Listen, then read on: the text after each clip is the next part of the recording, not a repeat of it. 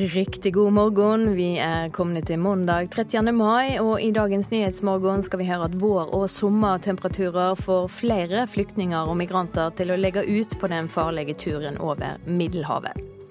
Det blir mer om kritikken mot regjeringas nyskaping Nye Veier. Det nye statlige veiselskapet gir ikke nødvendigvis raskere, bedre og billigere veier, mener, mener transportforsker. Det er helt nødsynt å få bukt med ulovlig kapitalflyt og skatteparadis for å få til utvikling i fattige land. Det mener Norad-sjefen, som straks er på veien i studio til oss.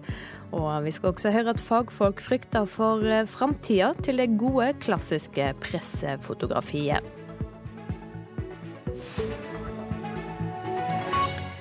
I studio i dag, Silje Sande. Både Røde Kors og Flyktninghjelpen er uroa for at flere mennesker vil forsøke å ta seg til Europa via Libya. Det er frykt for at 700 migranter og flyktninger har mista livet i tre forlis nord for Libya i løpet av den siste veka.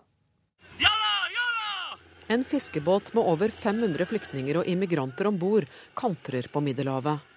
De fleste blir reddet av den italienske kystvakten, men minst 700 fryktes omkommet etter at denne og to andre båter forliste sist uke. Flere syrere kan komme til å velge den farlige sjøveien over Middelhavet i tiden som kommer, ettersom Tyrkia-Hellas-ruta nå er stengt, tror seniorrådgiver i Flyktninghjelpen Pål Nesse. Våre folk i Tyrkia forteller at mange syrere seg imellom nå diskuterer dette som en mulighet. Det er folk som hadde bestemt seg for å prøve å komme til Europa uansett, og dersom de ikke lykkes Tyrkia-Hellas-ruten, så kan det med å fly til Khartoum i Sudan og landeveien opp gjennom Libya og sjøveien videre til Italia være et mulig alternativ. Ifølge FNs høykommissær for flyktninger kom det i fjor over én million flyktninger til Europa. Hittil i år anslås det at det har kommet i underkant av 200 000 til Spania, Italia og Hellas. Pressesjef i Kripos, Ida Dahl Nilsen, er om bord i det norske skipet Siem Pilot, som patruljerer i Middelhavet, og forteller om travle dager nå i mai. Ja, Det er jo 13 000 som har blitt redda. Over 13 000 som har blitt redda den siste uka. Eh, det som har vært utfordrende den siste uka, er at det har ikke vært noe opphold mellom nødanropene. Det har vært nødanrop eh, nesten hver eneste dag denne uka. Tidligere har man sett at det gjerne har vært en pause på en to-tre dager i hvert fall hvor det ikke sendes ut noen gummibåter, mens denne uka har det da kommet jevnt hver dag. Ettersom sjøveien fra Libya er den klart farligste, kan man også forvente at folk finner alternative ruter, sier Kristine Weima Lager i Norges Røde Kors. Vi ser jo også at det kan være en mulighet å reise via Russland, som vi så i vinter. Eh, men det er vanskelig også å reise fra Russland og videre. Så, så vi, vi, vi, er i beredskap fra Røde Kors-bevegelsens side i forhold til hvilke humanitære utfordringene som kan oppstå eh, pga. at folk tar økt risiko. Reporter Kristine Næss Larsen. Regjeringa sitt veiselskap Nye Veier fører ikke nødvendigvis til raskere, bedre og billigere veier her i landet. Det hevder forsker Arvid Strand ved Transportøkonomisk institutt. Han mener det ikke finnes dokumentasjon på at veiutbygginga blir mer helskapelig, sammenhengende og rasjonell, slik regjeringa lover. Med brask og bram lanserte regjering og støttepartiene Venstre og KrF i fjor vår det nye statlige veiselskapet Nye Veier AS som skal sørge for at veiutbygginga i Norge skjer raskere, bedre og billigere. Det er en eh, innrømmelse kan en si, at det har blitt bygd for mye stykkevis og delt, fordi at en politisk har eh, stykket opp prosjektene. En har årlig budsjettering som gjør at Vegvesenet ikke får de forholdene de trenger. Sa samferdselsminister Ketil Solvik-Olsen for et drøyt år siden. Han var regissøren bak det nye selskapet. Etter år senere hevder forsker Arvid Strand ved Transportøkonomisk institutt at det ikke finnes dokumentasjon på at veibygginga faktisk blir bedre billigere og raskere med det nye selskapet. Jeg etterlyser først og fremst det vi er blitt vant til i norsk utredningssamfunn. Alle de kravene som stilles til eh, å utrede alternativer, utrede behov, eh, få frem konsekvenser. På en tolvårsperiode så er det snakk om 61 milliarder kroner. Men hele anliggende for meg i eh, å skrive dette her, det er at det er utrolig slett utredningsarbeid. Samferdselsminister Ketil Solvik-Olsen vil ikke kommentere kritikken fra Strand. Det gjør derimot hans politiske våpendrager i denne saka, Hans Fredrik Grøvan i KrF fra Vest-Agder. Jeg syns eh, det å kreve konsekvensutredninger av et nytt politisk grep eh, som eh, ny organisering av stamveiutbyggingen er et bomskudd fra forskerens side. 61 milliarder kroner løftes ut av Nasjonal transportplan inn i dette nye selskapet. Burde ikke det vært konsekvensutredet skikkelig før man bare ga de pengene over? De fleste av disse strekningene som er lagt inn i porteføljen som skal bygges for disse pengene, ligger i eh, dagens eh, NTP. Eh, noen strekninger ligger ikke helt og fullt der, men det er jo nettopp for å få til en sammenhengende utbygging. Og vi vet at sammenhengende utbygging det gir sparte penger. Forsker Arvid Strand hevder også at valet av veiprosjekt, mange av dem på Sør- og Sør-Vestlandet, er det nærmeste en kan komme et Helsa heim til Bryne-prosjekt fra en minister fra Bryne. Vi kjenner jo eh, alle historiene om Opseth, som ble beskyldt for å bygge alle veiene til Vestlandet, eller til Sogn og Fjordane. Eh, og vi hadde vel noen andre samferdselsministre på andre tidspunkter. Så jeg tror nok at når Sørlandet har fått så mye, og særlig fra Kristiansand og vestover, så kobler jeg det til Bryne. Og tilbakebetaling til velgerne? Selvfølgelig, det er jo det politikk går ut på. Det blir litt pinlig, syns jeg, fra forskerens eh, side. Jeg syns ikke det var en eh, god empirisk eh, belagt påstand. Det sa til slutt Hans Fredrik Grøvan, stortingsrepresentant for KrF fra Vest-Agder, reporter Bjørn Atle Gildestad. Så sport. Westham-proff Martin Samuelsen ble sittende på benken gjennom hele landskampen mot eh, Portugal i går kveld. Det etter å ha imponert stort på trening i Portugal. Vår eh, fotballekspert Lise Klavenes synes det er merkelig at 19-åringen ble værende på benken gjennom samtlige 90 minutter. Når han allikevel benytter så mange debutanter, så syns jeg kanskje det er litt rart at han ikke får, eh, får muligheten, nettopp fordi han har vært så god på trening. Og det er jo noe med med fotballspillere og prestasjoner på trening. Og bygger man opp visse forventninger og kan føle på en litt sånn eh, negativ eh, ja, innelåst energi ved at man ikke får det ut og får komme til banen. Det var flere i presserommet i Porto som lurte på hvorfor Samuelsen ble henta som erstatter for Per Siljan Skjelbred, men ikke ble brukt i det hele tatt. Landslagssjef Per-Mathias Høgmo gjorde fire bytter i treningskampen. Norge tapte 3-0 i går, men den tekniske fintevingen fra Haugalandet, Martin Samuelsen, ble værende på benken. Vi hadde fem debutanter i, eh, i dag. og eh, Martin sin, sin mulighet den kommer nok eh, før eller senere. Men vi, eh, vi, valgte å ikke bytte han inn i dag. Det var ei vurdering som vi gjorde underveis her, hvem vi, hvem vi lot få, eh, få sjansen. Da var det Aftenposten over her. Mer ble ikke sagt om hvorfor. Landslagskaptein Stefan Johansen hadde sjøl vært bitter dersom han hadde blitt snytt for debuten på samme måten. Jeg vet sjøl som spiller, så hadde jeg vært med, så hadde jeg hatt lyst til å få debuten.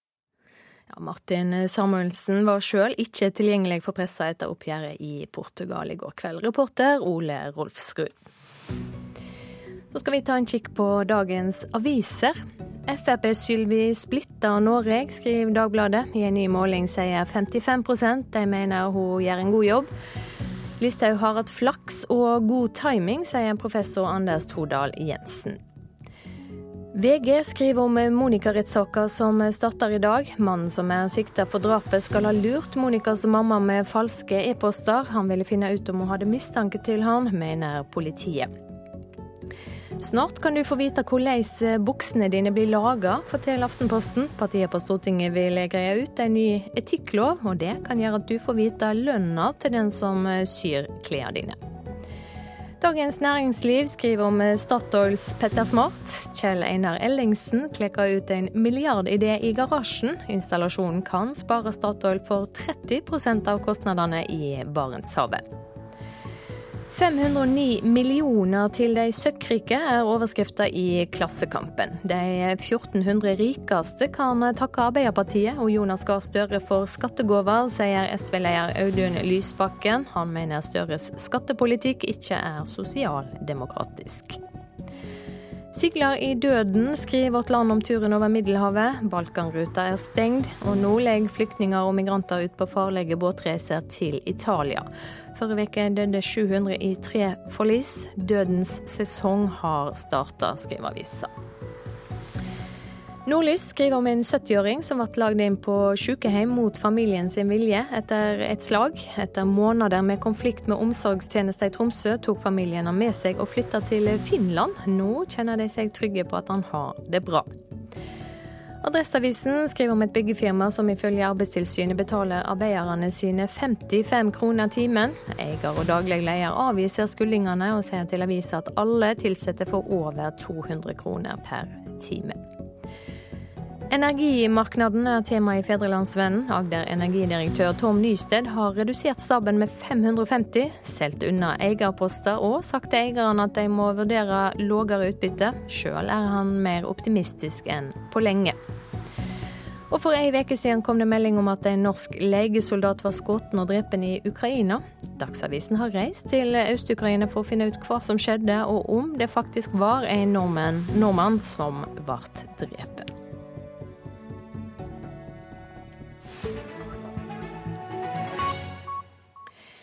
Senere i dag inviterer Norad til debatt om hvordan kapitalflukt og skatteunndraging påvirker økonomien i utviklingsland.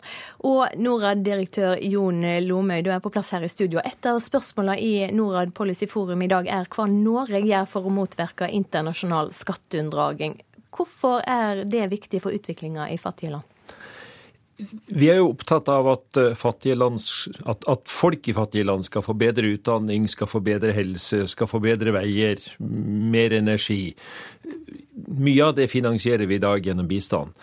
Det er jo ikke en varig løsning. De må jo være i stand til å finansiere en økende del av dette sjøl.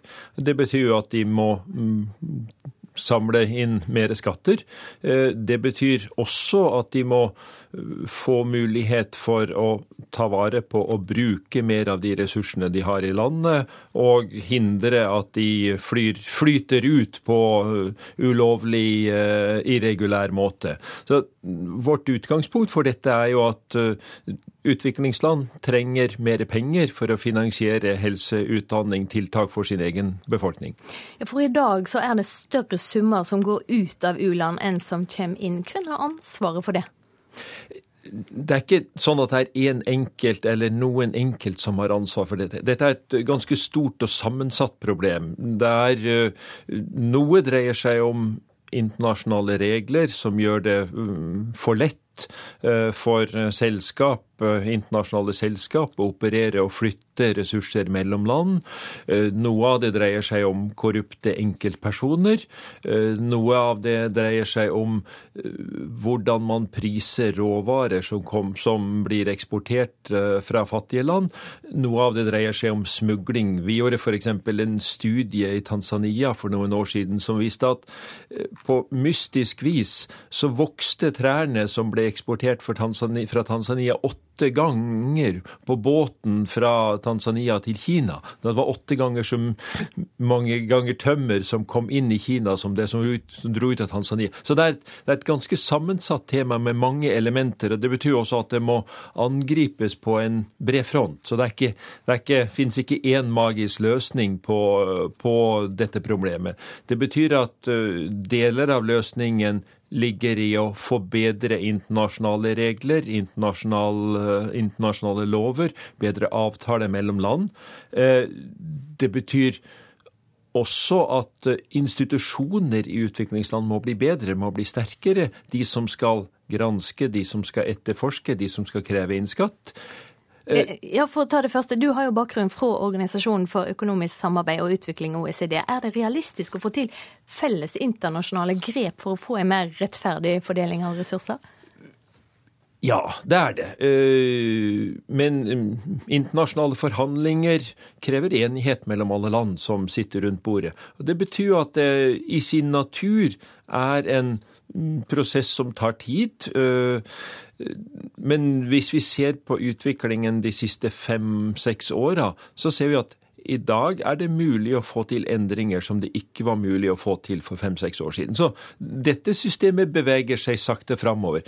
Men det beveger seg jo framover også ved at det er pushere utenfra. Så det betyr også at sivilt samfunn har en viktig rolle i å um, holde temaet på dagsorden og fortsette å påvirke og pushe for uh, enda bedre internasjonale regler. Takk for at du kom i studio, Norad-direktør Jon Lomøy. Og dette er altså temaet i Norad Policy Forum i dag. Klokka er 6.48. Eh, Dette er eh, hovedsaker nå. Det blir eh, varmere i været. Det får flere flyktninger og migranter til å legge ut på den farlige turen over Middelhavet. Finansbyråden i Oslo mener regjeringa nedprioriterer arbeidsledige i hovedstaden. Og i dag skal folk i Stavanger, Sandnes og Sola røyste om de vil slå sammen til landets tredje største kommune. Mye tyder på at det blir nei, skal vi høre straks.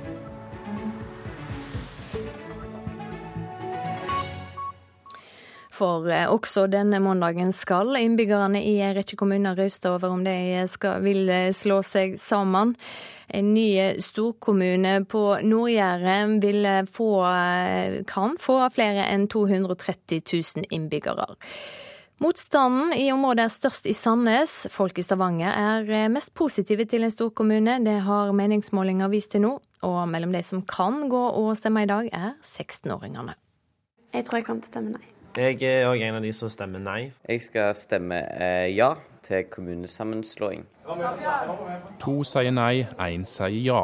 Tiendeklassingene Emma Endresen Blindheim, Erik Michael Hofgård og Benjamin Fossan ved Gosen skole i Stavanger er blant de yngste som skal si sin mening om Stavanger, Sandnes og Sola skal bli til én storkommune. Nord-Jæren kommune, som vil bli landets tredje største med over 230 000 innbyggere. Mener ikke det er riktig å slå sammen med Sandnes hvis vi først skal slå sammen noen, siden det er en såpass stor kommune, og da blir kommunen ekstremt stor. I tillegg så er jeg ikke så veldig for navnet, altså Nord-Jæren. Jeg vil heller liksom hete Stavanger. Jeg tror det vil at kommunene vil være bra for kommunene pga. at det vil spare en del penger for å slå sammen. For bl.a. en del for staten når det blir mer effektivt. I dag er den offisielle valgdagen og siste sjanse til å stemme for disse 16-åringene og de andre innbyggerne i de tre rogalandskommunene.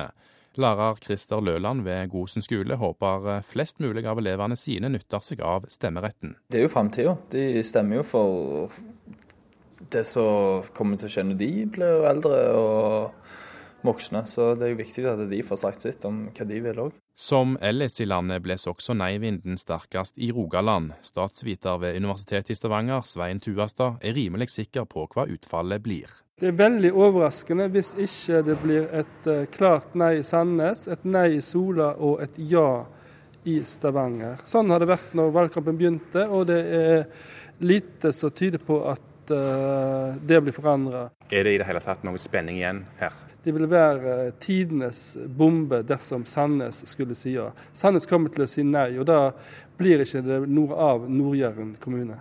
Dermed ligger det an til nok et nei fra folket om kommunesammenslåing. Statsviter Tuastad forklarer dette med at det har vært en lettere valgkamp for nei-sida enn ja-sida. Vi har det bra sånn som så vi har det, og det blir liksom mindre demokrati. Og det, de argumentene slår an. Ja-sida må, liksom, må, litt sånn mer opp, opp, med kalkyler og langt inn i framtida og styring og effektivitet. Det blir litt sånn som den der uh, eliten mot folket i uh, EU-avstemningen i, kommune, i kommunedebatten òg. Det kan fort bli kortere skoledager i eksamenstida. Og selv om tiendeklassingene ved Gosen skole i Stavanger vil bruke stemmeretten sin, er de nok i disse tider mer opptatt av eksamen enn kommunegrenser, og ikke minst sommerferien som snart står for tur. Nei, det blir jo kjekt med sommerferie, Så, men det er selvfølgelig det er òg greit å se hvordan det går med valget, om det blir noe kommunesammenslåing. Reporter Magnus Stokka. Vi knipser eh, selfier og snapper døgnet rundt, og foto og bilder har aldri stått sterkere. Men eh, fagfolk er uroa for at det gode, klassiske fotografiet blir nedprioritert. Nå er det håp om at et nytt minnefond skal gi større interesse for reportasjebilder. Her er jo typisk, var, her var det jo masse fotografer som står skulder ved skulder. Der var Torbjørn, og der var det uendelig mange andre fotografer. Men det var én som tok dette bildet. Eh, det er noe med den enorme spontaniteten. Det er det ene lille øyeblikket. Fotograf Hans Olav Forsang viser oss bildene til den avdøde svenske pressefotografen Torbjørn Andersson, som skal stilles ut i hydrogenfabrikken i Fredrikstad under fotofestivalen Dok 16, som starter denne uken. Hvert bilde er en dokumentasjon av livet til vanlige folk. Det er ikke noe kompliserte ting, det er enkle ting, men det er utført så kunnskapsrikt og så varmt. Eh, menneskevarmt eh, og engasjerende og humant og alt det fine man kan si. Selv om foto aldri har stått sterkere enn nå, er han bekymret for medienes bilder. Nå håper han et minnefond i Torbjørn Anderssons navn vil inspirere unge fotografer til å lære seg å se bildehistoriene i hverdagen. Kan bidra til at eh, yngre fotografer som, som kanskje ikke har den muligheten i utgangspunktet, kan få den via Torbjørn og hans minne. Eh, ved at man kan utdele noen reisestipendier og gi mulighet for å dra ut i verden og fotografere og lage prosjekter. En av dem som lar seg inspirere, er frilansfotograf Adrian Ørn Johansen. Det er drita kult å se på, for det er så kjempe, kjempebra å tenke på at eh, det er en svenske som har prestert det her på vakt i en vanlig avisredaksjon. Men så er det òg litt trist, fordi at det rett og slett er slutt på det. I hvert fall i veldig veldig stor grad. Men hvorfor tror du at det er slutt på det? Eh, nei, det handler jo om nedgangen i mediebransjen generelt, og om Eh, prioriteringer og dreining over til det mer digitale. Og mediene kutter jo over en lav eh, sko sånn generelt, og da går det utover det visuelle også. Kanskje i særlig grad visuelle. Og det er jo et paradoks i og med at verden er i ferd med å bli eh, mer og mer og mer og mer og mer visuell.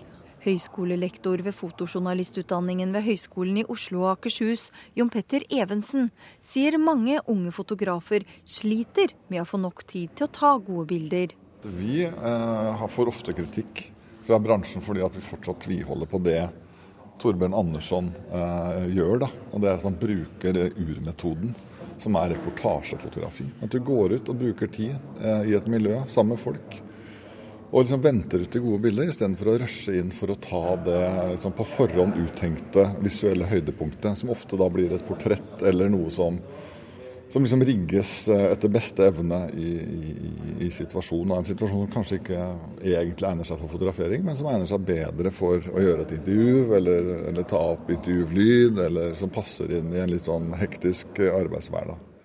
Reporter her Anette Torjussen. Folk må sjøl få avgjøre hva kunst som skal henge på veggen på offentlige steder. Det mener samfunnsdebattanten Audun Eng, som går til kamp mot makta til KORO, organisasjonen som velger ut kunst til offentlige steder.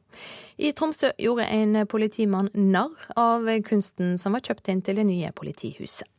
Og Er det så enkelt å, å, å være kunstner at man bare slenger i hop et eller annet? og så blir det plutselig kunst, ja, så sa jeg at da kan jeg sikkert også bli kunstner. Det sier politimann i Tromsø, Carl Karlsson. Da han så kunsten som var kjøpt inn til det nye politihuset i Tromsø, mente han at han kunne gjort dette bedre selv. Et galleri i byen tok han på ordet, og Karlsson har stilt ut bildene sine. Foreløpig så har jeg ikke noen eh, verken tittel eller tanker om hva det skal bli. Nei, det er noe tull som vanlig. Altså jeg ser at det er ganske det er kult for så vidt å leke med fingerfarger, eller leke med farger, som jeg kaller det for. Jeg leker med farger. Men jeg forventer jo ikke at jeg skal kunne livnærme på, på noe sånt. Det var bl.a. denne hendelsen som fikk jurist Audun Eng til å skrive en ytring på NRKs nettside om et forslag til organisasjonen Kunst i det offentlige rom. Hva med å la de som skal leve med kunsten, få være med å bestemme hva som skal henge på veggen i offentlige bygg? I våre egne hjem bestemmer vi selv eh, hvilken kunst vi vil ha på veggene. Eh, når det offentlige kjøper inn kunst for fellesskapet og for fellesskapets eh, penger, så er dette delegert til en eh, liten gruppe fagfolk. Og det er lite demokratisk i en tid hvor vi skal ha mer demokrati, mer medvirkning på alle områder hvor det er mulig. Fagmiljøet som styrer kunsten i dag, de er jo preget av spesielle meninger. Det er det nyskapende modernismen som eh, står i sentrum, og det mer tradisjonelle og figurative, som mange mennesker liker, anses som mindreverdig per definisjon. Derfor er min eh, modell, som jeg har foreslått, det er at eksperter på ulike stilretninger kan nominere kunstverk, slik at man sikrer at det er høy kvalitet. Men så bør brukerne velge. Men direktør i Koro, kunst i det offentlige rom, Svein Bjørkås, synes ikke noe om forslaget. Det han sier er at det skal være en nominasjonsprosess der fagfolkene jobber, og så skal brukerne stemme. Det tror jeg er vanskelig å gjennomføre i praksis. Og hva vil du si om påstanden om at Koro velger for mye modernistisk kunst? Det er jeg ikke enig i. Det er et stort mangfold av uttrykk og stilarter og sånn i, i kunstprosjektene våre. Eh, og det er ikke for mange modernister. Reporter Eirin Venås Sivertsen. Så værvarselet. På Spitsbergen blir det skyet oppholdsvær og sørøstlig bris, litt varmere. Nord-Norge delvis skyer, stort sett opphold. Noen lokale ettermiddagsbyger kan hende med torevær. I Øst-Finnmark blir det sørøstlig opp i liten kuling på kysten, minkende om kvelden. Små temperaturendringer. Trøndelag og Møre og Romsdal fremdeles mye fint og varmt vær, men enkelte ettermiddagsbyger i Nord-Trøndelag lite vind. Vestlandet sør for Stad med skyer utover dagen og regn som starter på formiddagen i Rogaland og fortsetter nordover til Sogn og Fjordane. Temperatur omtrent som i dag. Østafjells og fjell i Sør-Norge kraftige byger først på dagen, før det blir mye fint vær. Bygene henger litt igjen i Agder og Telemark, men også der blir det lettere mot kvelden. Nordøstlig frisk bris på kysten, liten og stiv kuling på kysten fra Lindesnes til Lynger. Økende temperaturer. Så temperaturene fra klokka fem. Svalbard lufthavn fire, Kirkenes seks, Vardø sju, Alta elleve, Tromsø-Langnes ti, Bodø og Brønnøysund 13, Trondheim-Værnes tolv, Molde og Bergen-Flesland ti, Stavanger tolv, Kristiansand-Kjevik 14, Gardermoen og Lillehammer hadde begge 11 grader, Røros sju og Oslo-Blindern, der var det målt 13 grader for to timer siden.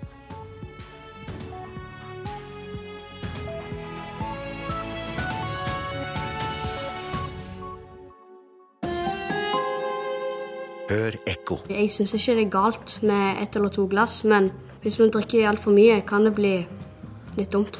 Alkohol og barn hører ikke sammen, det mener de fleste. Men når tante Berit i familieselskapet som vanlig tømmer sitt femte vinglass, blir fnisete, høylytt og deretter sovner på sofaen, så er det ingen som sier noe. Bør barn tåle å se fulle voksne, eller er det skadelig? Ekko 9 11 i NRK P2.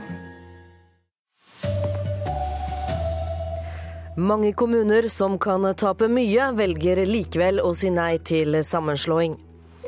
Skattejuks og svarte penger undergraver økonomien i utviklingsland, det mener Norad-sjefen. Her er NRK Dagsnytt klokka sju ved Silje Katrine Bjarkøy. I mange av kommunene som vil tape mest på å stå alene, har innbyggerne nettopp stemt for å gjøre det. I Hareid kommune på Sunnmøre frykter ordfører Anders Riise at det nye inntektssystemet vil gjøre kommunen hans fattig. Sånn som situasjonen ble, så utvikla dette seg til å være et eh, følelsesvalg, og ikke et eh, basert på fornuftsbit. 73% har røysta for å stå alene som egen kommune. For ordføreren som har ivra for sammenslåing, er det ikke bare sårt. Han er redd for at det kan ende i ruin for kommunen. Med regjeringa sitt nye inntektssystem kommer Hareid nemlig til å miste fire millioner i året. Vi er Robek kommune og vi har et akkumulert underskudd. Fire millioner betyr veldig mye og vil eh, redusere vårt handlingsfridom eh, i tida som kommer. Men det er mulig å få det til? Svaret er egentlig nei. Reporter Alexander Åsnes. Skattejuks og svarte penger er et stort problem også i utviklingsland. I dag inviterer Norad til debatt om hvordan kapitalflukt og skatteunndragelse påvirker økonomien i fattige land. Dersom disse landene skal ha råd til å gi innbyggerne helsehjelp og barna utdanning, må vi få bukt med den svarte økonomien. Det sier Norad-direktør Jon Lomøy. Vi er jo opptatt av at, eh, land, at, at, folk i fattige land skal få bedre utdanning, skal få bedre helse, skal få bedre veier, mer energi. Mye av det finansierer vi i dag gjennom bistand. Det er jo ikke en varig løsning. De må jo være i stand til å finansiere en økende del av dette sjøl. Det betyr jo at de må mm, samle inn mer skatter. Det betyr også at de må få mulighet for å ta vare på og bruke mer av de ressursene de har i landet, og hindre at de flyr, flyter ut på ulovlig, irregulær måte. Så Vårt utgangspunkt for dette er jo at utviklingsland trenger mer penger for å finansiere helse, utdanning, tiltak for sin egen befolkning. Minst tre personer er fryktet døde i forbindelse med voldsomme oversvømmelser sørvest i Tyskland. Uværet er beskrevet som det verste på flere tiår. I USA er seks personer døde pga. kraftig regnvær i Texas. Stortinget skal utrede en ny etikklov, det skriver Aftenposten. Loven skal kreve åpenhet om hvordan varer er produsert for å unngå lave lønninger, dårlig sikkerhet og manglende respekt for eh, fagforeninger.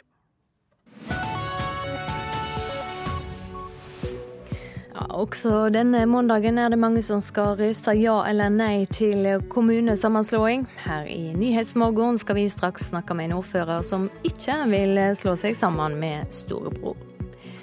I dag starter rettssaka etter drapet på åtte år gamle Monika Sveglinskaja. Saka ble først lagd vekk, så tatt opp igjen. Vi skal høre mer om hva vi kan vente oss fra rettssalen.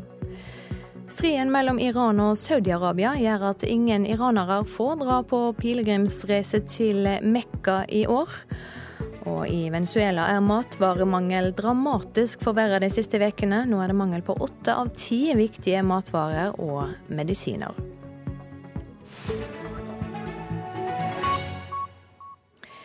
I mange av kommunene som vil tape mest på å stå alene, har innbyggerne nettopp stemt for å gjøre det. I Hareid på Sunnmøre frykter ordfører Anders Riise at det nye inntektssystemet vil gjøre kommunen hans fattig. Sånn som situasjonen ble, så utvikla dette seg til å være et eh, følelsesvalg, og ikke et eh, basert på fornuftsbiten. Ferja forlet vesle Hareid på Sunnmøre for å ta folk mot byen og sentrum, Ålesund. Men folket på Hareid vil ikke til Ålesund eller noen av de andre naboene. 73% har røysta for å stå alene som egen kommune. For ordføreren som har ivra for sammenslåing, er det ikke bare sårt. Han er redd for at det kan ende i ruin for kommunen. Med regjeringa sitt nye inntektssystem kommer Hareid nemlig til å miste fire millioner i året. Vi er Robek kommune og vi har et akkumulert underskudd. Fire millioner betyr veldig mye og vil eh, redusere vårt handlingsfridom eh, i tida som kommer. Men det er mulig å få det til? Svaret er egentlig nei. Det samme skjer nå mange steder i landet. I flere av de kommunene som vil tape mest på å stå alene, har folket røysta overveldende for å gjøre nettopp det. Med det nye inntektssystemet kan det bli dyrt å stå alene. Men når 70-80% av folket har stemt nei til sammenslåing, er det ikke sikkert politikerne har så mye valg. Valgforsker Frank Aarebrot tror mange kommunestyrer nå angrer på at de åpner for folkerøystinger. Så de har gitt seg selv en tvangstrøye. Det gjelder da særlig der du har et veldig stort flertall for fortsatt selvstendighet og veldig høy valgdeltakelse. I de tilfellene blir det veldig veldig vanskelig for kommunepolitikerne å gjøre noe annet enn å følge folkeviljen, sånn som jeg ser det. Men statssekretær i Kommunaldepartementet Kristin Holm Jensen går langt i å antyde at kommunestyrene i denne situasjonen kanskje bør gå mot folkevilja. Uansett så er det som til, kommunestyrene som til syvende og sist må ta en beslutning på vegne av sine innbyggere. Det er det ansvaret de har valgt for å ta. Det aller viktigste for kommunen det er jo å vurdere klarer vi å gi et godt tjenestetilbud i dag og i fremtiden. Det vi ser fremover, det er jo at vi får flere eldre. Det kommer mange flyktninger. Vi skal eh, klare oss i en situasjon hvor hele økonomien må omstilles og oljeinntektene går ned. Så da er det viktig å tenke over hva er det, hvor, hvor godt rusta er vi nå til å ta det ansvaret vi har nå, og fremover. På Hareid har folket sagt sitt. Men selv om man gjerne skulle ha sett kommunesammenslåing, og selv om man ikke veit hvordan de skal klare seg uten pengene de vil miste, og gå imot folkevilja, det vil han ikke. Det er så tydelig det signalet som kom fra innbyggerne om at alternativet med Runde og eh, Ålesund kommune er lagt dødt, at det kan ikke vi gå forbi. Ja, til slutt her hørte vi ordfører i Hareid, Anders Riise, reporter Alexander Åsnes. Og En av stedene i Norge det lenge lå an til å bli sammenslåing, var Nord-Jæren. Men nå ser det ut til at både Sandnes og Sola sier nei til å slå seg sammen med Stavanger. Det trass i at Stavanger har sagt seg villig til å gi fra seg både navn og rådhus. Med meg nå, Stanley Virak, du er ordfører i Sandnes. Hvorfor vil ikke det gå sammen med Stavanger? Nei, jeg tror folk i Sandnes uh, har, ser det på den måten at vi er to byer, og vi vil ha utvikling i to forskjellige byer. Det er veldig problematisk at ett bystyre skal styre to byer. Du er ikke redd på å tape på å stå alene, at kommunen din skal bli fattig, slik vi hørte nettopp? Jeg tror ikke det er her de store pengene ligger for eh, Sandnes. Vi har en omsetning eh, på nesten 4,5 milliarder i år, og noen millioner fra eller til oppi dette, det er ikke det som slår ut. Det som slår ut for oss, det er viljen fra regjeringen til å styrke kommuneøkonomien generelt. Du skal sjøl eh, stemme nei. Hvorfor det? Jo, jeg tror at vi får den beste utviklingen i regionen med å ha to byer, to nabobyer. Vi er 75 000 innbyggere, og Stavanger er 130 000. Eh, vi konkurrerer med hverandre, men samtidig så samarbeider vi der det er nødvendig, og vi gjør hverandre gode. Vi jobber sammen når det er nødvendig, og så konkurrerer vi hver for oss for å få de beste løsningene når det er nødvendig. Hvordan tror du det går i dag? Jeg tror vel at eh, det kan bli et eh, nei i Sandnes og Sola, og så tror jeg kanskje det blir et ja i Stavanger. Hva eh, sier folk til deg på gata i Sandnes når det er snakk om denne sammenslåinga? De fleste sier det at vi må stå på, vi skal fortsette sånn som vi gjør nå. Og så er det noen som sier det at vi må møte fremtida mer offensivt. Og jeg tror at vi vil møte framtida veldig offensivt med å stå som en sterk kommune for å få det til, og jobbe godt sammen med andre kommuner i regionen. Men ville ikke en storkommune ha vært enda sterkere? Jo, det er det ikke tvil om. Vi kunne vært mye sterkere inn mot uh, Oslo. Uh, men Spørsmålet er hva er det kommunene skal være til for? Er det for å gi folk eh, tjenester i nærmiljøet, eller er det for å være sterke inn mot Oslo? Vi skal være sterke inn mot Oslo på et regionalt eh, nivå, og der skal fylkeskommunen være talerøret. Takk skal du ha for at du var med, Stanley Virak, ordfører i Sandnes, eh, som altså representerer Arbeiderpartiet. Og Da går vi videre til deg, eh, kommentator her i NRK, Lars Nehru Sand. Det er mange avrøstinger i Norge i dag. Hvor blir det mest spennende? Ja, Noen som kan gå eh, i den motsatte retning av det vi hører fra Jæren, er både Evenes i Nordland og Bjugn og Ørland på Fosenhalvøyen. Eh, og så er det spennende avstemninger, ikke nødvendigvis med tanke på om resultatet blir ja eller nei, men kanskje sånn internt i regionene i Valdres og eh, flere steder i Troms, rundt Hammerfest i Finnmark, eh, også på Skedsmo i Nedre Romerike, og i Aust-Agder i kommunene rundt Arendal. Men om vi går tilbake til eh, Sandnes, Sola og Stavanger. Mange eh, mente det var logisk at eh, her ville det komme en storkommune, siden de ligger så nært og har så mye samarbeid. Hvorfor blir det trolig ikke slik? Men det handler jo i de to uh, småkommunene i dette tilfellet om skepsisen til uh, Stavanger, og hvor mye de vil bry seg om sitt omland, og hvor mye Stavanger egentlig er interessert i dette mest for sin uh, egen del, hvis man spør motstanderne.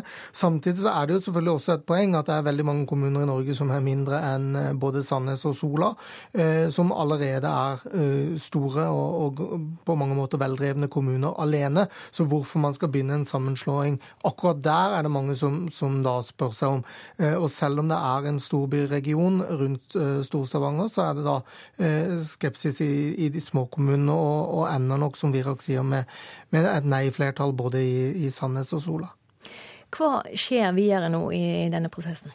Ja, Det er jo egentlig blitt det mest interessante. og Også i, i Sandnes og Sola så snakker flere om hva det egentlig som skjer når det blir nei, enn uh, hva som blir resultatet i dag.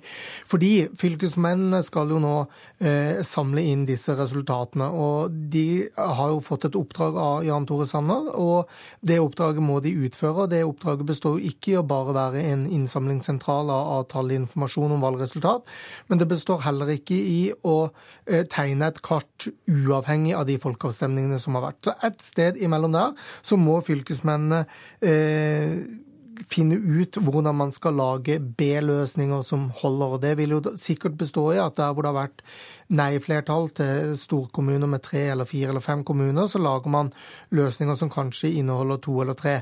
Så hva slags kart Fylkesmannen anbefaler Jan Tore Sanner og Stortinget å stemme for, det er egentlig det som blir mest spennende nå. Den prosessen vil pågå frem til 1. oktober. Takk skal du ha, kommentator Lars Nehru Sand. I dag starter rettssaka etter drapet på åtte år gamle Monika Sveglinskaja. Det er gått eh, snart fem år siden jenta ble funnet død i Sund i Hordaland. Den eh, tidligere stefaren hennes er sikta for drapet. Det er en lang og tung prosess som leder opp til denne dagen i Bergen tingrett. 14.11.2011 blir et barn, ei lita jente, funnet kvalt. Etter ni måneder slår politiet fast at det handler om et sjøldrap. Men mange mener at dette er en konklusjon som umulig kan stemme.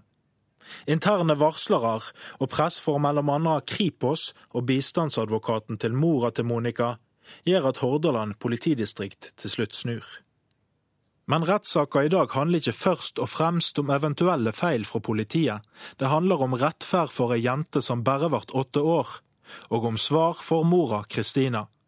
I et intervju med NRK tidligere i veka fortalte hun at det blir vanskelig å se mannen aktoratet mener drap dattera. Kaip ir sakiau, kad turbūt tos baiminusi savo pirminės reakcijos į tą Donatos Lukosevicius, den tidligere samboeren hennes, Monica sin stefar, ble gripen høsten 2014.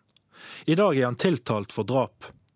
Vi skal høre hans versjon om hva som skjedde den novemberkvelden for fire og et halvt år siden i retten i dag. Han vil si at han er uskyldig. I'm not scared. Come to this uh, court because inside myself I know I not did this crime. Det er satt av fire veker i Bergen tingrett til en av de mest omtalte kriminalsakene de siste åra. Reporter her Oddgeir Øystese. Med meg nå eh, fra Bergen, Erin eh, Eikefjord, jurist og kommentator i Bergenstidene. Du skal følge saka. Dette er jo en sak som har fått mye omtale fordi hun først ble eh, lagd vekk, så tatt opp igjen, og fordi politietterforskninga har fått sterk kritikk. Hvordan kommer det til å prege denne rettssaka? Akkurat dette bakteppet er jo nokså irrelevant for selve drapssaken. Men det forklarer jo den massive interessen, selvfølgelig. Men det som kommer til å skje nå, er jo at indirekte så vil denne rettssaken kaste nytt lys over det som skjedde under etterforskningen. Blant annet så har jo politiet blitt beskyldt for å manipulere moren til å tro på denne selvmordsteorien. Og nå kommer vi til å høre fra moren sjøl hvordan det har pågått. Vi vil òg få høre vitne fra påtaleansvarlig Sissel Isaksen, som hadde ansvaret for den henleggelsen. Og hun har jo ikke tidligere snakket til pressen. Så dette blir jo interessant både eh, pga. drapssaken i seg selv, men òg pga. at det gir ny informasjon om denne polititabben som eh, var i forkant. Hva bevis har eh, politiet i denne saka? Altså det mest sentrale beviset er DNA-funn fra tiltalte på Monica sin hals, på eh, hender, hode og klær. Og så er det òg funnet en eh, delvis profil, så vidt jeg forstått, på dette beltet som hun hadde rundt halsen. Og Sjøl hevder han at dette stammer fra en PC som han satt igjen da han bodde sammen med moren hennes. Eh, og Han flytta ut fem uker før drapet. Eh, mens eh, de ekspertene som har konkludert, har sagt at det trolig stammer fra direkte kontakt. Så det store spørsmålet her er jo om disse DNA-sporene er avsatt i forbindelse med drapet, eller om de faktisk kan ha stammer fra andre kilder. Denne saka skal altså gå i flere uker. Hva skjer i retten i dag? I dag så har vi startet dagen med innledningsforedraget fra statsadvokaten, som vil gi en fremstilling av saken fra deres side. Og etter lunsj så starter tiltaltes forklaring. Hvordan vil du si at folks tillit til bergenspolitiet er nå? Jeg har ikke sett noen ferske målinger på det. Altså Generelt så er jo tilliten til politiet i Norge høy. Og eh, det kan jo tenkes at det fikk en knekk når det stormer som verst rundt Monica-saken. Men eh, jeg kan ikke si om det har vært en varig tillitskrise her. Takk skal du ha, Eirin Eikefjord, jurist og kommentator i Bergens Tidende. Klokka er blitt 7.16. Dette er hovedsaker nå. Småkommunene kan tape mest på å si nei til kommunesammenslåing. Likevel er det der folk oftest sier nei. Skattejuks og svarte penger undergrev økonomien i utviklingsland, det mener Norad-sjefen. Og det blir eh, varmere i været. Det får flere flyktninger og migranter til å legge ut på den eh, farlige turen over Middelhavet.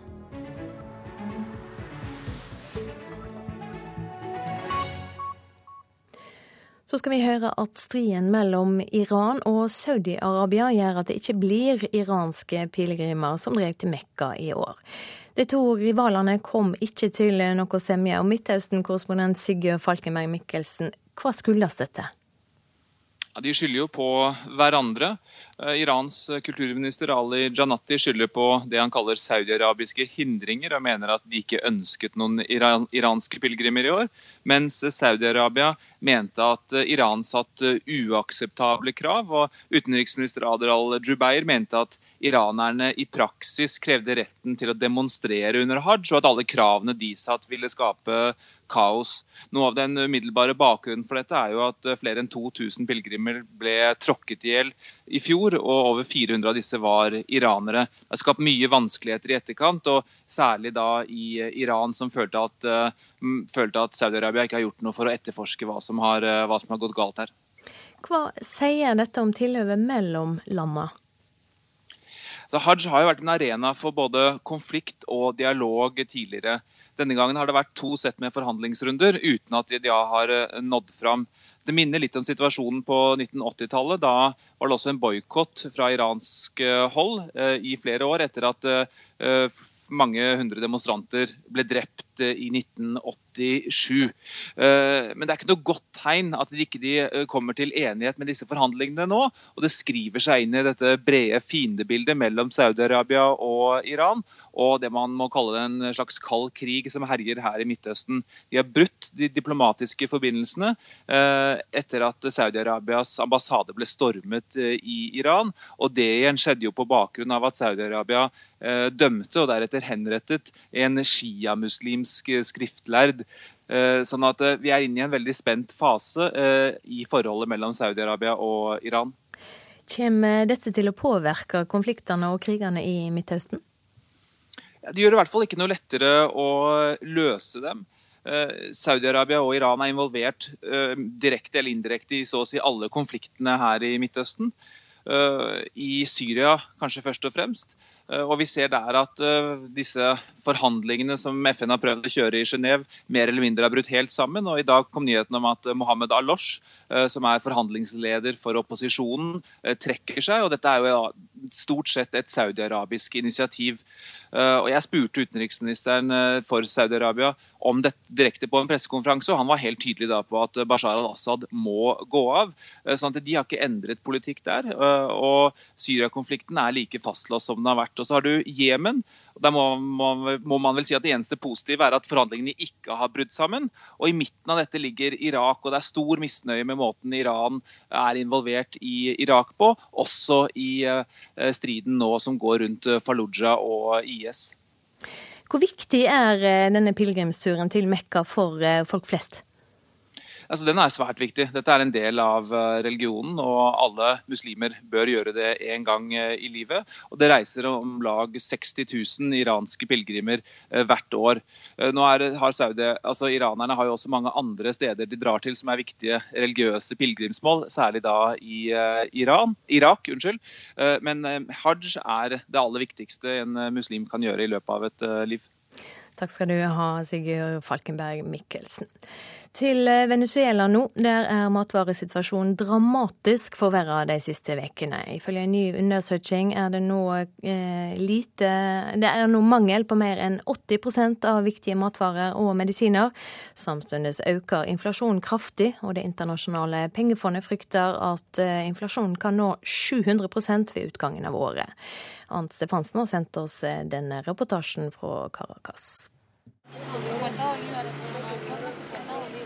Køen synes endeløs foran et stort statlig supermarked her i sentrum av Venezuelas hovedstad. Klokka er bare sju på morgenen, men mange har vært her i tre-fire timer allerede. Og de har fortsatt et lite håp om å få kjøpt mel, smør, noen egg eller til og med litt kjøtt. Men for hvert minutt som går, blir håpet mindre og bitterheten større blant de ventende. Det venezuelanske folket er fullstendig ført bak lyset, sier den 45 år gamle Carlos Ruiz fra Caracas. Vi har støttet en regjering som har ført landet ut i et totalt uføre, og den eneste løsningen jeg ser, er at president Nicolas Maduro går av, og at nye krefter slipper til, sier han.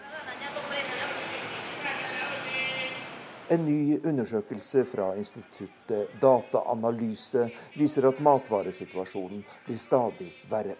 Mer enn 80% av viktige matvarer og medisiner er det nå vanskelig eller umulig å få tak i for vanlige folk. Og 86% av de spurte mener det er presidenten og sosialistpartiet som har skylden.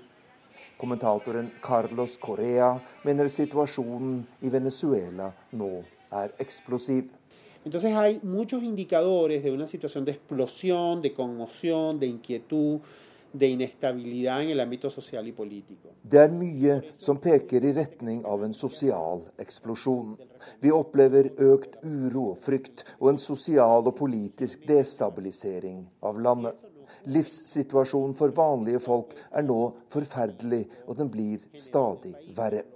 Og selv om tålmodigheten blant venezolanerne er utrolig, så frykter jeg at de ikke tåler så mye mer. Derfor haster det med å finne en fredelig løsning, sier kommentatoren.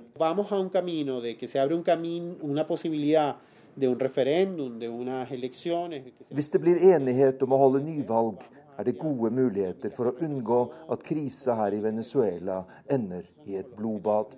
Nye målinger viser at opptil 80% av velgerne ønsker å fjerne presidenten og gi opposisjonen en sjanse. Men Maduro og hans støttespillere klamrer seg til makten og gjør alt for å hindre et nyvalg. Det vi kan håpe på, er at også regimet selv innser at vi ikke kan fortsette som nå, sier kommentatoren Carlos Correa her i Caracas. Elleve personer er drepne av en væpna gruppe i Venezuela. Mellom de drepne er en colombiansk statsborger og tre barn. Det var lørdag morgen de ble overraska hjemme av væpna menn som tvang de ut og skjøt dem. Venezuela er et av verdens mest voldelige land der det ikke er krig. Så skal vi ta en kikk på dagens aviser. Frp Sylvi splitter Norge, skriver Dagbladet. I en ny måling sier 55% at de mener Sylvi Listhaug gjør en god jobb. Hun har hatt flaks og god timing, sier professor Anders Todal Jensen. VG skriver om Monica-rettssaka som altså starter i dag. Mannen som er sikta for drapet skal ha lurt Monicas mamma med falske e-poster. Han ville finne ut om hun hadde mistanke til han, mener politiet. Snart kan du få vite hvordan buksene dine blir laga, forteller Aftenposten. Partiet på Stortinget vil utgreie en ny etikklov, og det kan gjøre at du får vite lønna til den som sydde klærne dine. Dagens Næringsliv skriver om Statoils Petter Smart. Kjell Einar Ellingsen klikker ut en milliardidé i garasjen. Installasjonen kan spare Statoil for 30% av kostnadene i Barentshavet. 509 millioner til de søkkrike er overskrifta i Klassekampen. De 1400 rikeste kan takke Arbeiderpartiet og Jonas Gahr Støre for eh, skattegaver, sier SV-leder Audun Lysbakken. Han mener Støres skattepolitikk ikke er sosialdemokratisk. Sigla i døden, skriver Vårt Land om turen over Middelhavet. Balkanruta er stengt, og nå legger flyktninger og migranter ut på farlige båtreiser til Italia. Forrige uke døde 700 mennesker i tre forlis. Dødens sesong har starta, skrev avisa. Nordlys forteller om en 70-åring som ble lagd inn på sykehjem mot familien sin vilje etter et slag. Etter måneder med konflikt med omsorgstjenester i Tromsø tok familien mann med seg og flytta til Finland. Nå kjenner de seg trygge på at han har det bra. Adresseavisen skriver om et byggefirma som ifølge Arbeidstilsynet betaler arbeidere 55 kroner timen. Eier og daglig leder avviser skyldningene og sier til avisa at alle de ansatte får over 200 kroner per time.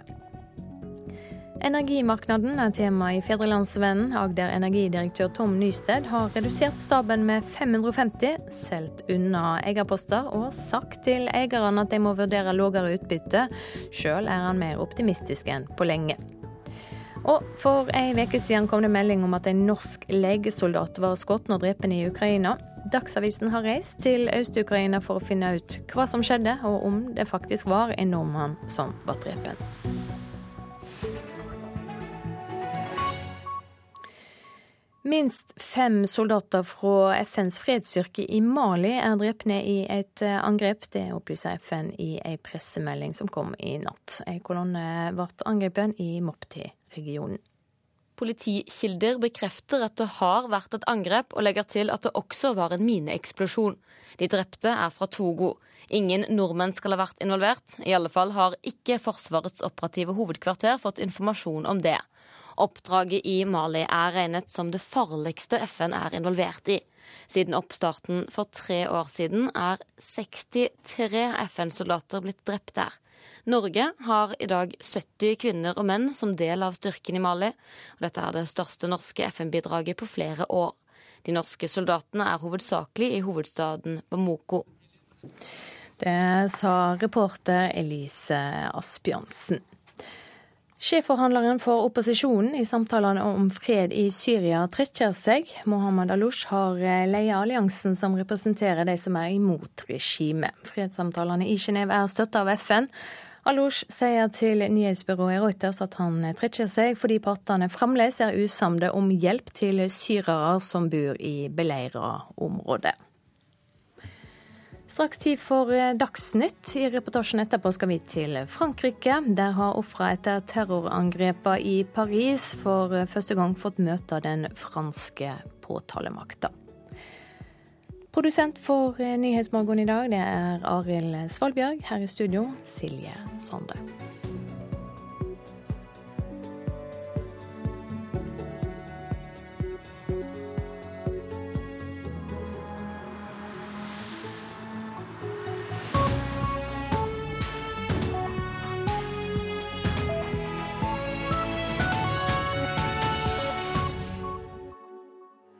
Spillerom på NRK P2. Vi starter Spilleromuken med to ganske godt bevarte hemmeligheter. Én, Terje Nilsen, holdt på en mannsalder, men er ikke like godt etablert i sør som i nord, hvor han har legendestatus. Og så kommer amerikanerbandet The Humming People med utspring fra Toten. Fra 11 til 12, spillerom på NRK P2. Mer penger frister ikke kommunene. 77 kommuner har så langt sagt nei til sammenslåing. Hjelpeorganisasjoner frykter flyktningene velger farligere veier til Europa. Nytt statlig veiselskap er ingen garanti for bedre veier, det hevder forsker. Her er NRK Dagsnytt ved Silje Katrine Bjarkøy klokka 7.30. I mange av kommunene som kommer til å tape mest på å stå alene, har innbyggerne likevel stemt for å gjøre det. 77 kommuner har ifølge Kommunal Rapport vedtatt å ikke slå seg sammen med nabokommuner. I Hareid kommune på Sunnmøre har folket sagt nei.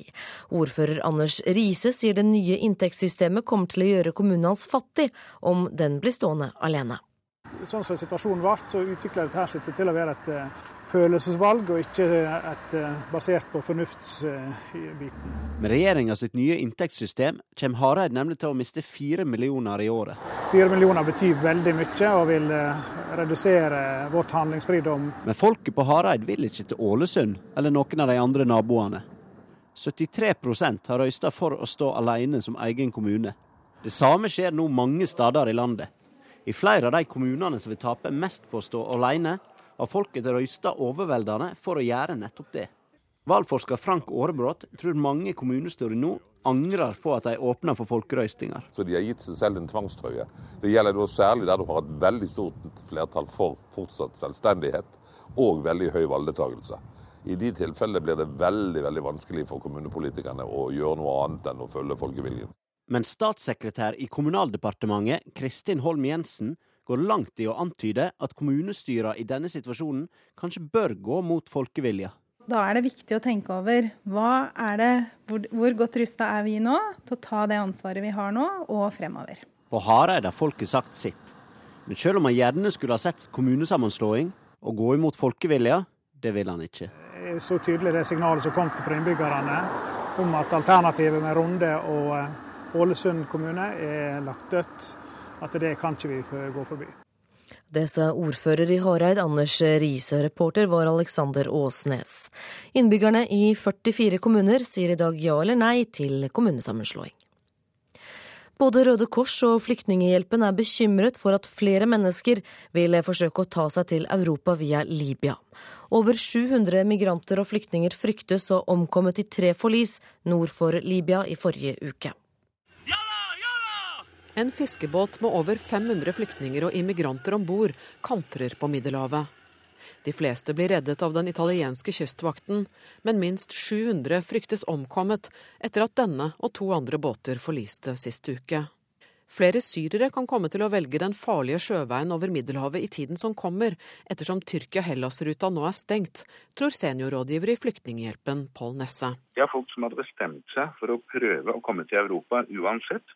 Og dersom de ikke lykkes Tyrkia-Hellas-ruten, så kan det med å fly til Khartoum i Sudan og landeveien opp gjennom Libya og sjøveien videre til Italia være et mulig alternativ. Pressesjef i Kripos, Ida Dahl Nilsen, er om bord i det norske skipet Siem Pilot, som patruljerer i Middelhavet, og forteller om travle dager nå i mai. Det har vært nødanrop eh, nesten hver eneste dag denne uka. Tidligere har man sett at det gjerne har vært en pause på en to-tre dager i hvert fall eh, hvor det ikke sendes ut noen gummibåter, mens denne uka har det da kommet jevnt hver dag. Ettersom sjøveien fra Libya er den klart farligste, kan man også forvente at folk finner alternative ruter, sier Kristine Weima Lager i Norges Røde Kors. Vi ser jo også at det kan være en mulighet å reise via Russland, som vi så i vinter, eh, men det er vanskelig også å reise fra Russland og videre. Så, så vi, vi, vi, er i beredskap fra Røde Kors-bevegelsen sin side i forhold til hvilke humanitære utfordringene som kan oppstå eh, pga. at folk tar økt risiko. Reporter Kristine Næss Larsen. I dag starter rettssaken etter drapet på åtte år gamle Monica Svinglingskaja. Det har gått snart fem år siden jenta ble funnet død i Sund i Hordaland. Den tidligere stefaren er siktet for et drap. Det er satt av fire veker i Bergen tingrett til en av de mest omtalte kriminalsakene de siste åra. 14.11.2011 blir et barn, ei lita jente, funnet kvalt. Etter ni måneder slår politiet fast at det handler om et sjøldrap. Interne varslere og press for bl.a. Kripos og bistandsadvokaten til mora til Monica gjør at Hordaland politidistrikt til slutt snur. Men rettssaka i dag handler ikke først og fremst om eventuelle feil fra politiet. Det handler om rettferd for ei jente som bare ble åtte år, og om svar for mora Kristina. I et intervju med NRK tidligere i veka fortalte hun at det vært vanskelig å se mannen aktoratet mener drap dattera.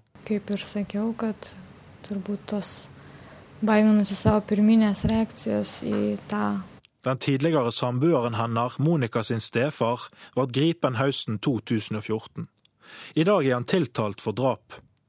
Vi skal høre hans versjon om hva som skjedde den novemberkvelden for fire og et halvt år siden i retten i dag. Han vil si at han er uskyldig.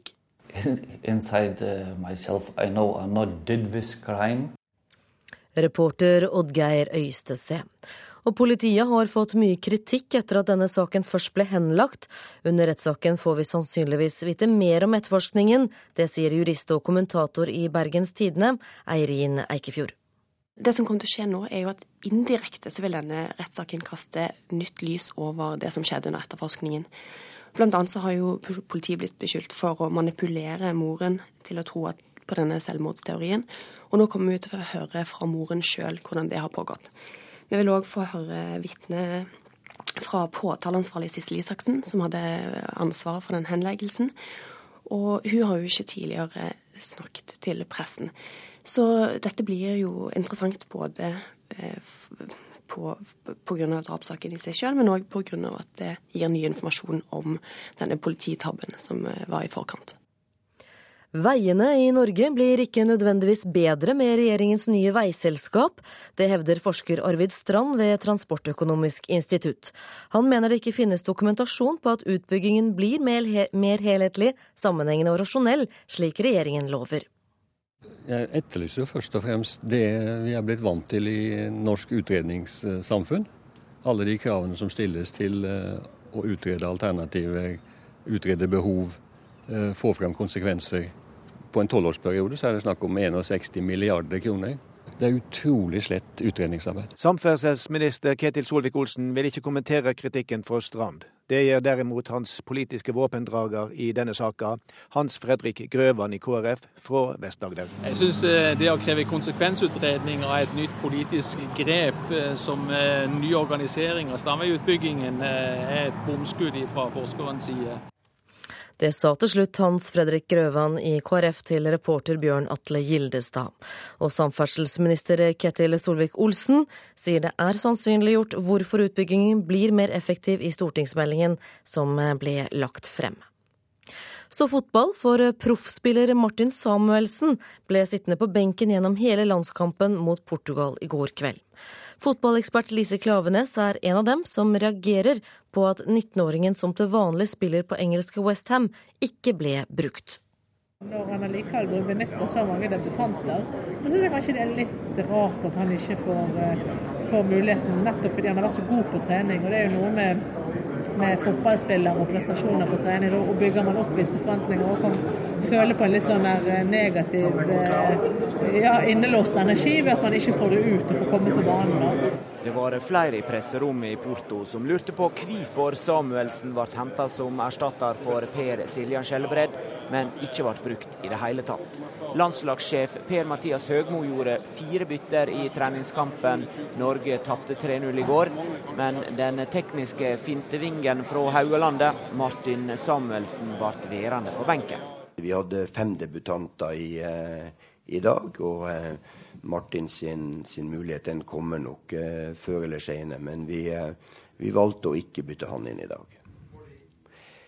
Det var ei vurdering som vi gjorde underveis her, hvem vi, hvem vi lot få, eh, få sjansen. Da var det Aftenposten over her. Mer ble ikke sagt om hvorfor. Landslagskaptein Stefan Johansen hadde sjøl vært bitter dersom han hadde blitt snytt for debuten på samme måten. Jeg vet sjøl som spiller, og så hadde jeg vært med, så hadde jeg hatt lyst til å få debuten. Reporter her, det var Ole Rolfsrud, og fotballspilleren selv, Martin Samuelsen, var ikke tilgjengelig for pressen etter oppgjøret i Portugal i går, som altså endte 3-0 til Portugal. NRK Dagsnytt er over. Ansvarlig for sendingen, Elin Pettersen.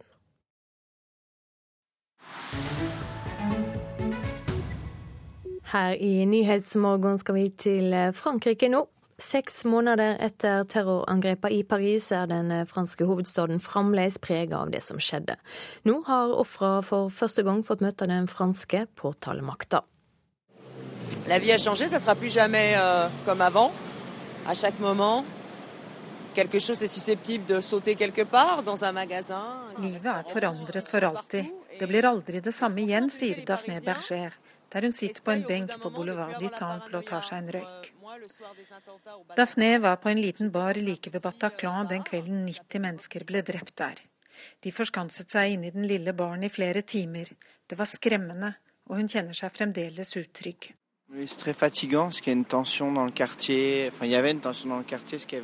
Også 30 år gamle Benjamin, som er ute og lufter hundene sine, sier at stemningen i byen er blitt en annen.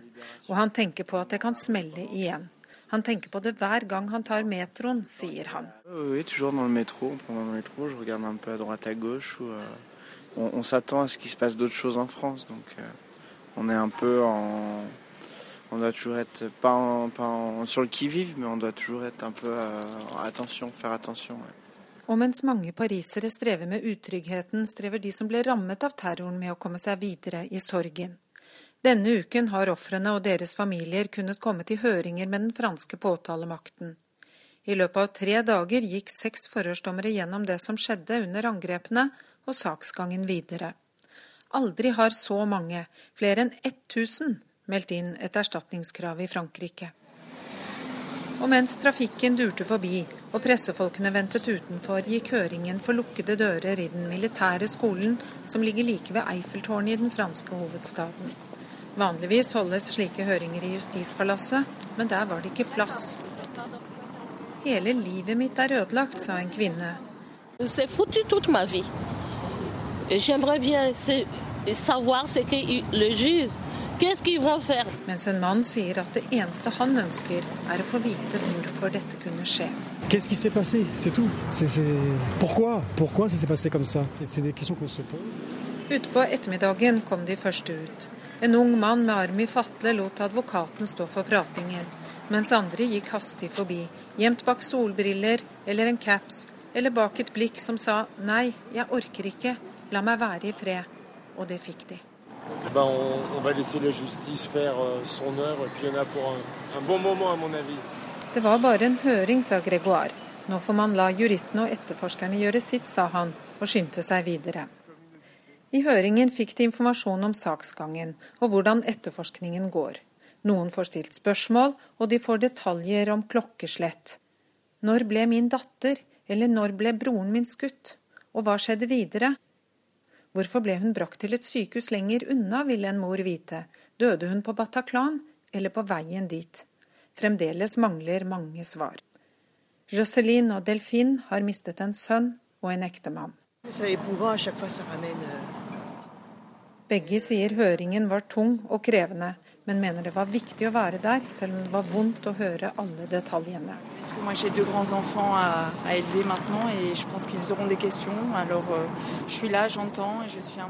Tilbake på Boulevard de Temple reiser Daphné seg for å gå videre. Hun syns pariserne ser på hverandre på en annen måte nå, og gjentar at ting nok aldri blir helt som før. Les attentats ont changé le regard des gens sur euh, leur vie, la, la vie de leurs proches la société en général et le monde en fait. Mais oui, la vie sera plus jamais comme avant. Reporter her i, eh, fra Paris, det var Marit Kolberg.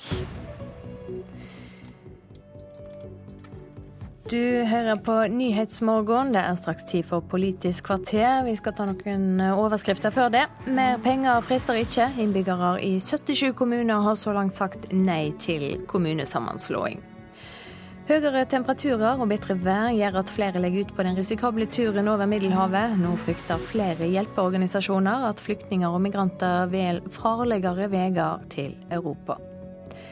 Det nye statlige selskapet Nye Veier er ingen garanti for bedre og billigere veier. Det hevder trafikkforsker.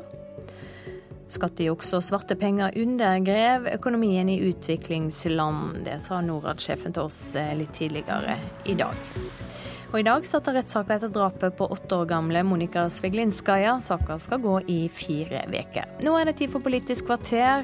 Programleder Håvard Grønli.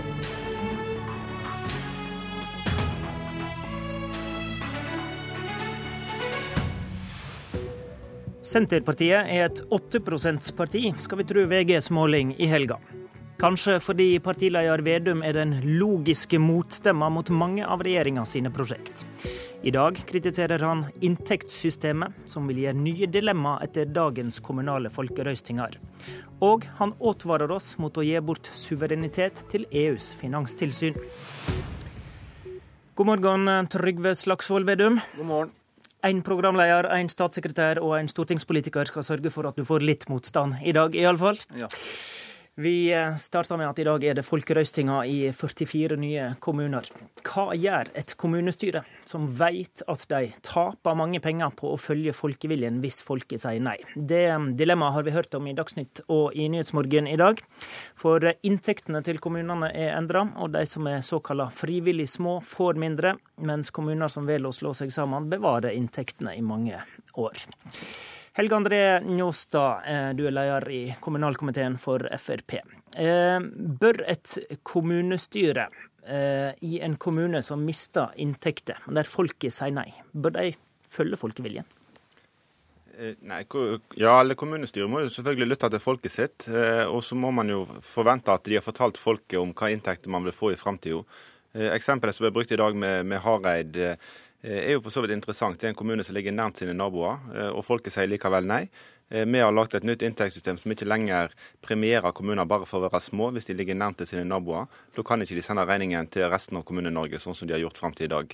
Eh, og Det er jo selvfølgelig informasjon som både folket og kommunestyret må vite om før de eh, tar sin avgjørelse i forhold til hva kommune man ønsker å tilhøre i fremtiden. Og det, mm, I dette eksempelet som vi har brukt i dag, da, så, så, har de jo kjent til det. Men, eh, og, og ordføreren har ønsket fusjon. Men folkens vil det annerledes. Du har sjøl vært ordfører. Du, du ser dilemmaet? Ja, Ting forandrer seg hele tida, men eh, jeg mener at bor man i en kommune som ligger tett på en nabo, eh, så kan man ikke forvente at alle andre kommuner i Norge skal betale for at du skal få lov å være eh, liten videre. Da må du nesten ta ansvaret for det sjøl. Og Hareid og Ulstein ligger veldig tett på hverandre. De har 13 000 innbyggere i lag. Eh, det er jo feil at storsamfunnet skal gi 26 millioner til de to kommunene, mens Bømlo, som før var tre kommuner, som nå er én, får kun 13 millioner. Karmøy, som før var sju kommuner, som bare nå er én, får eh, bare 13 millioner. Da er det jo feil at eh, de skal få 26. Ja. Så eh, at vi rydder opp i inntektssystemet som Senterpartiet har eh, styrt altfor lenge, som har gjort det ulønnsomt å slå sammen kommuner, eh, skulle jo bare mangle. Mm. Nå var det primært Ålesund Hareid-ordføreren ville slå seg sammen med, men det får nå være så. Trygve Slagsvold Vedum. Folket har visst om konsekvensene, sier Njåstad, og det har han jo rett i. De har tatt sitt valg, eh, så da har vi en frivillig liten kommune som, eh, der folket har tatt konsekvensen. Da bør de vel bli behandla deretter. Selvfølgelig må vi lytte på folket, og Frp burde vært den fremste til det. For i deres program så står det at eh, alle deres representanter skal følge resultatet av folkeavstemning helt konsekvent. Og så er det det som er problemet nå, er at regjeringa med Høyre og Frp har sagt at vi uansett skal sentralisere midlene for mange norske kommuner. Men så har de sagt at hvis dere slår det sammen nå, så skal dere få beholde midlene i noen år, og så skal vi ta penga etterpå. Og så blir det lagd en myte at eh, mange av de små kommunene er så dyre. Altså de 107 minste kommunene har i underkant av 5% av de offentlige budsjettene går dit. Så det er ikke sånn at de store pengene går til mange av de små. Mens Høyre og Frp ønsker å sentralisere de midlene. Også når man har hatt en faglig vurdering av det. Man hadde borgerutvalget som vurderte det. Og da sa man at det basistilskuddet var et godt tilskudd som gjorde at man sikra likeverdig tjenestetilbud rundt hele landet. Og det er det vi i Senterpartiet er opptatt av. At man også på små steder skal ha et skole, en sykehjem og ha tjenester nært folk. For vi ønsker å ha tjenester nært folk, uansett om det er en by eller om det er på en, en mindre plass. Men, men, de kommunene vi snakker om nå, de har da visst om at dette basistilskuddet vil gå ned, men folket har likevel eh, stemt nei. Altså, Vi bør jo følge altså De vet jo hva de har sagt nei til. Ja, altså Folk har sikkert fått med seg at regjeringa har sagt at det eh, uansett skal sentralisere midlene. Men hvis dere slår det sammen, så skal vi utsette det noen år. Så svaret er uansett det samme. Vi skal flytte penger fra Hareide og Ulstein til steder som Bærum. Og Det er jo hele, hele logikken i regjeringas politikk og Høyre-FrPs politikk i alle sammenhenger skal sentralisere, ta penger fra mange små steder og konsentrere det rundt noen få plasser. Men poenget er jo at vi må jo ha som mål at vi skal ha gode sykehjem, gode skoler, uansett om det er et lite eller et stort sted. Og så må vi slutte med truslene som Frp har drevet med. Og så må Frp begynne å si jo, vi skal stole på folket når folk har tatt en beslutning. Mm. Så vet folk flest ganske godt hvordan de sjøl vil ha det. Nei, logikken er at i, i, det gamle systemet som Senterpartiet var arkitekt på, så tildelte man masse penger per rådhus og lite per innbygger. Vi endrer det. at vi tar, gir mindre mindre penger til administrasjon og rådhus, og mer penger til tjenester og innbyggere. Eh, og vi fordeler det virkelig til Distrikts-Norge. Eh, da ser man jo at vinneren av det nye inntektssystemet eh, fremstiller jo Senterpartilederen som at det er Bærum, men den kommunen som kom aller best ut per innbygger, var jo Røst. Sånn at de som er reelle distriktskommuner, får mer med Høyre-Frp-inntektssystemet enn det de gjorde med senterpartiet-inntektssystemet. Og da forstår jeg godt at de ikke han vil snakke om. Njåstad, Njåstad, jeg bare lurer på dette her. Et sentralt poeng med det nye inntektssystemet er jo da dette at en taper penger på å være såkalt frivillig lite 2019. Eh, hvis det da egentlig er flertall i kommunestyret for sammenslåing, men, men, folket sier nei. Tenker du da at det fortsatt er riktig å definere kommunen som frivillig liten, da? Det er jo kommunestyret som skal fatte avgjørelsen, så eh, kommunestyret må kjenne til helheten og, og fatte sin avgjørelse, både med de fordeler og ulemper de medfører. Og, og så man... hvis de da følger folkeviljen, så er, tenker du at den er frivillig liten? Ja, Hvis kommunestyret eh, ønsker å være liten fremdeles, som man har kort vei til sin nabo, så er man frivillig liten. Eh, og Da skal man ikke lenger sende regningen til resten av Kommune-Norge. Eh, er man ufrivillig liten, sånn som Røst, så skal man få gode inntekter, sånn som de vil komme godt ut av nytt inntektssystem. Men Mener du at dine folk lokalt, FrPs representanter lokalt, skal følge resultatet av folkeavstemningen, eller mener du det ikke? For Det er et ganske interessant spørsmål. for at Frp sier jo i sitt program at alle deres representanter skal følge det. Og så er det jo sånn, sånn i Gudbrandsdalen Du får gi han tid til å svare, okay, da, hvis du vil. Altså. Ja, det er jo interessant at at Senterpartiet er så opptatt av vårt partiprogram. Hvis man fulgte debatten i 2013, så sa Fremskrittspartiet hadde en stor diskusjon knyttet til kommunereform, der vi ønsket at Stortinget skal bestemme hvordan en ny kommunekart skal se ut. Og Da var diskusjonen opp mot folkeavstemning. Så følg gjerne med på landsmøtedebatten vår. Jeg kan kanskje sende deg en DVD. Så... Jeg har lest programmet, men, men mener du virkelig at FrPs folk lokalt ikke skal lytte til resultatet av folkeavstemningene? Eller mener du at folk bør lytte til det folket faktisk mener? Har man spurt folk om råd, så er det klokt å lytte til hva folk eh, sier. Men så er det òg klokt av kommunestyrene å eh, tolke de resultatene de får. Er det lav valgoppslutning og det er close race, eh, så må alle gjøre en vurdering hva som er best for å skape de beste tjenestene i framtida. Da skal vi først følge med på dagens folkerøstinger, 44 i tallet. Takk til deg, Helge André Njåstad.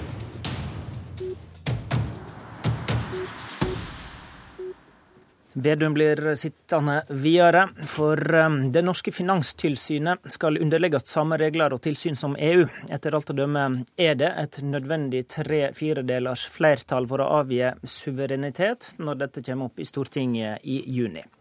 Mens uh, Senterpartiet da mener at vi ikke har gitt fra så mye makt uh, som dette siden 1992, så mener regjeringa at vi sikrer norske banker marknadstilgang og bidrar til bedre regulering av den europeiske finansmarkedet finansmarkedet. Tore Vamråk fra Høyre, statssekretær hos finansminister Siv Jensen. Hva er den eh, viktigste grunnen til at vi bør gi EU tilsynsmakt over vår finanssektor? En viktig lærdom fra finanskrisen i 2008-2009 det var behovet for sterkere og felles regulering av finansnæringen på tvers av landegrensene. Og EU har fått på plass en ny eh, finansregulering og nye finanstilsynsbyråer. Den rød-grønne regjeringen, som Vedum var en del av, eh, gjorde en stor jobb med å implementere dette regelverket i Norge. Og denne regjeringen har fulgt opp eh, videre.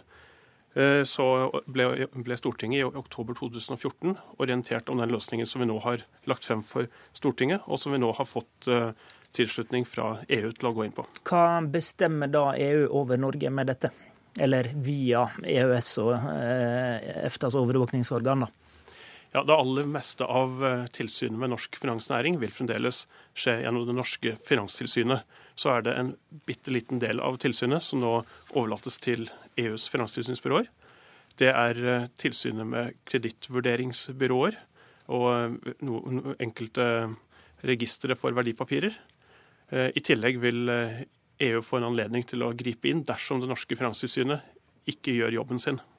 Men uh, i det store hele er altså det norske finanstilsynet som fremdeles skal stå for tilsynet. Ok. Trygve Slagsvold Vedum, mens statssekretæren her sier at uh, dette egentlig dreier seg om en bitte liten del, så bruker du ganske store ord i denne saka. Både i Stortingets spørretime og i video på sosiale medier så peker du på malerier av grunnlovsfedrene og advarer mot dette.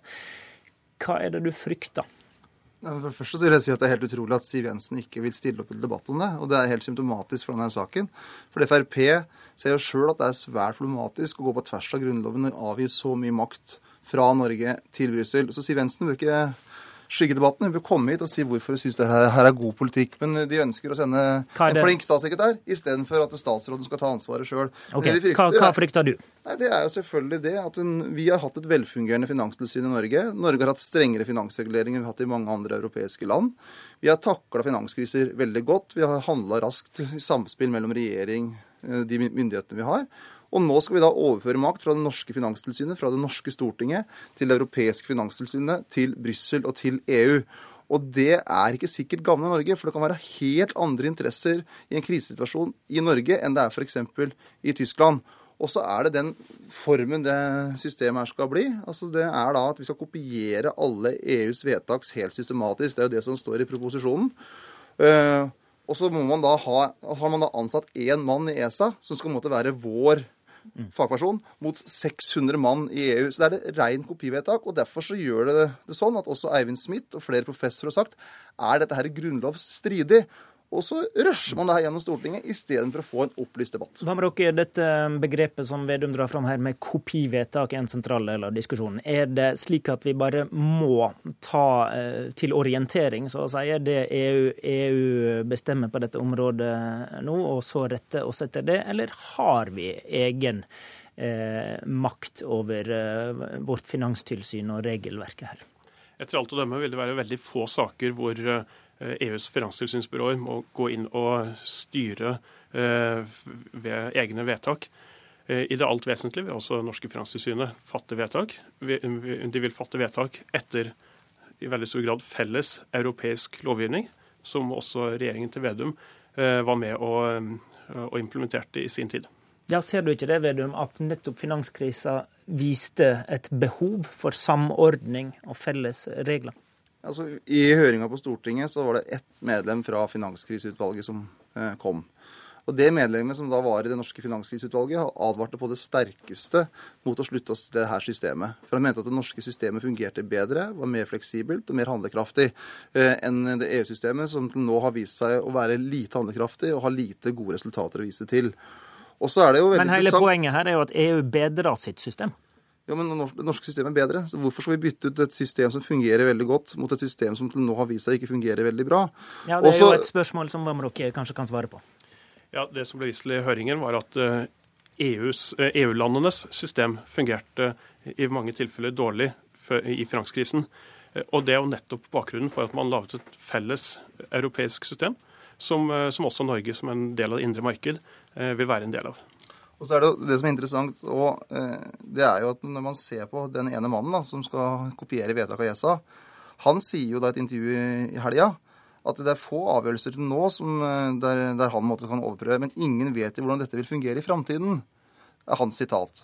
Og det er det som er problemet, at vi nå det norske Stortinget bare gir fra seg masse makt til EUs organer og de kan gå inn og overstyre f.eks. i en krisesituasjon, og hvis det er i strid med EØS-retten. Og det er det noe vi har erfart, så at EØS-retten utvikler seg hele tida. Og derfor så sier han det så presist. Ingen vet hvordan dette vil fungere i framtida. Og da sitter vi plutselig norske politikere som ønsker strenge reguleringer, kanskje tiltak for å redde norske banker, og så blir vi handlings lamma fordi at EU overstyrer våre nasjonale hensyn. Hva med dere, I hva grad mister vi våre nasjonale verktøy til å være aktive overfor norske banker og finansinstitusjoner i en situasjon som krever det, slik Vedum peker på?